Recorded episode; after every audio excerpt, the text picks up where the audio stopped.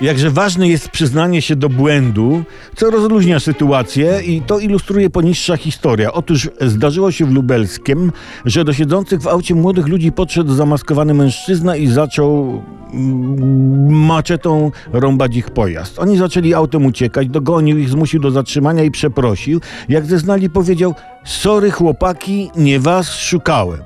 I widzicie, pan Maczeta bardzo dobrze się zachował, jak komar w bursztynie. Da? I co ważne, naprawił swój błąd, bo później, jak donosi prasa, odnalazł tego, kogo szukał i już bez pudła, ale za to z maczetą zmasakrował mu auto. Człowiek zdenerwowany, nakierowany na sukces, na określone zadanie, no może się pomylić. Może. Najważniejsze, że zrozumiał swój błąd i przeprosił. Kto z nas nigdy w zdenerwowaniu nie rąbał maczetą cudzego auta przez pomyłkę, niech pierwszy klęknie na konserwowanym groszku. Nie widzę, dziękuję. Z tym, że w takich sytuacjach warto upewnić się, że będziemy niszczyć samochód właściwym osobom.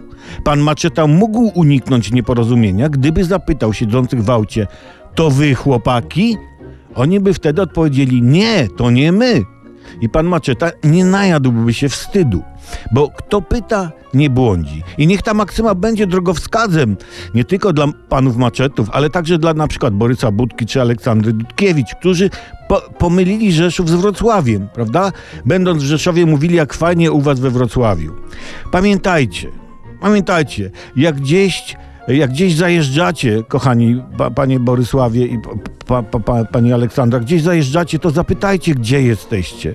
Bo jeszcze jakiś zdenerwowany pan Maczeta się zjawi i nie będzie pytał.